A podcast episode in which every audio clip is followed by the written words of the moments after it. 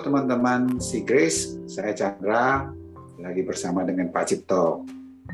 Pak Cipto, kita ingin mendengar nih apa yang Pak Cipto dapatkan dari diskusi kita pada Rabu malam diskusi si Grace. Kita diskusi mengenai satu topik yang penting sekali ingin kita alami ya, damai sejahtera Tuhan yang terambil dari Filipi 4 ayat 7. Damai sejahtera Allah yang melampaui segala akal akan memelihara, memelihara hati dan pikiranmu dalam Kristus Yesus. Wah, ada damai sejahtera Allah dalam Kristus Yesus, bro. yang yang sanggup memelihara hati dan pikiran kita jauh melampaui akal itu. Gimana itu, Pak Cipto, dari ayat ini? Silakan, Pak Cipto. Thank you, Pastor Ching. Nah, dulu saya gampang terpengaruh sama berita ya Uh, contohnya dengan vaksin. Dan kita sering di Indonesia itu dengar berita bahwa penerapan vaksin itu walaupun sebagian besar itu uh, lancar, baik, tapi ada sebagian kecil penerapan itu tidak kurang baik. Uh, misalnya ada yang sudah kadaluarsa atau misalnya yang penerapannya ternyata vaksinnya itu kosong ya, nggak dijeksi betulan dan itu uh, terjadi beberapa kali dan di kota-kota besar.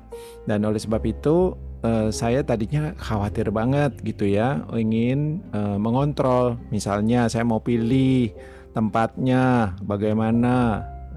Ternyata contohnya nih minggu lalu ketika pembantu saya ada giliran untuk divaksin maka saya ketika diberi ketika melihat ya keadaan lokasi itu mungkin mengkhawatirkan saya atau saya uh, tadinya uh, merasa khawatir, maka kali ini saya percaya tentang firman yang baru dibahas barusan sama Pastor Ching yakni Filipi 4 ayat 7 bahwa ada damai sejahtera Allah yang diberikan kepada kita yang percaya kepada penebusan Tuhan Yesus.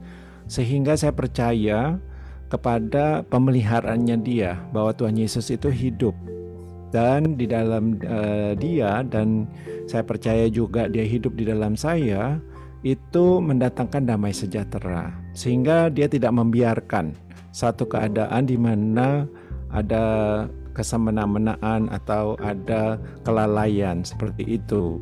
Sehingga saya uh, tinggal percaya dan menerima bahwa uh, damai sejahtera Allah itu sudah diberikan kepada saya karena Tuhan Yesus hidup di dalam saya sehingga saya merasa uh, damai sejahtera itu saya bisa pancarkan, saya bisa menularkan, saya bisa mempengaruhi orang-orang di sekitar saya mengalami damai sejahtera Allah itu. Nah, ini sangat berbeda dengan saya yang sebelumnya yang ingin sekali mengontrol. Tetapi dengan ayat itu kan jelas ya, damai sejahtera Allah yang melampaui segala akal akan memelihara hati dan pikiran di dalam Kristus Yesus. Inilah satu anugerah yang saya damba-dambakan dan saya telah menerimanya karena percaya kepada Dia. Terima kasih Pak Sucing.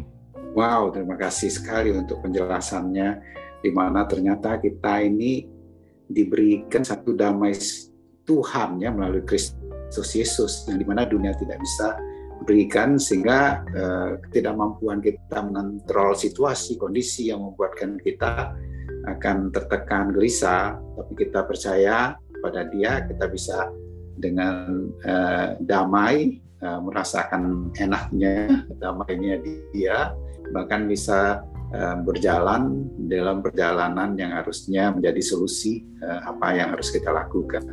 Begitu ya Pak Cipto. Amin. Ya. Amin Pak Secing. Amin. Ya, terima kasih Pak Cipto untuk sharingnya. Sampai ketemu lagi di uh, pertemuan si Grace berikutnya. Tuhan memberkati.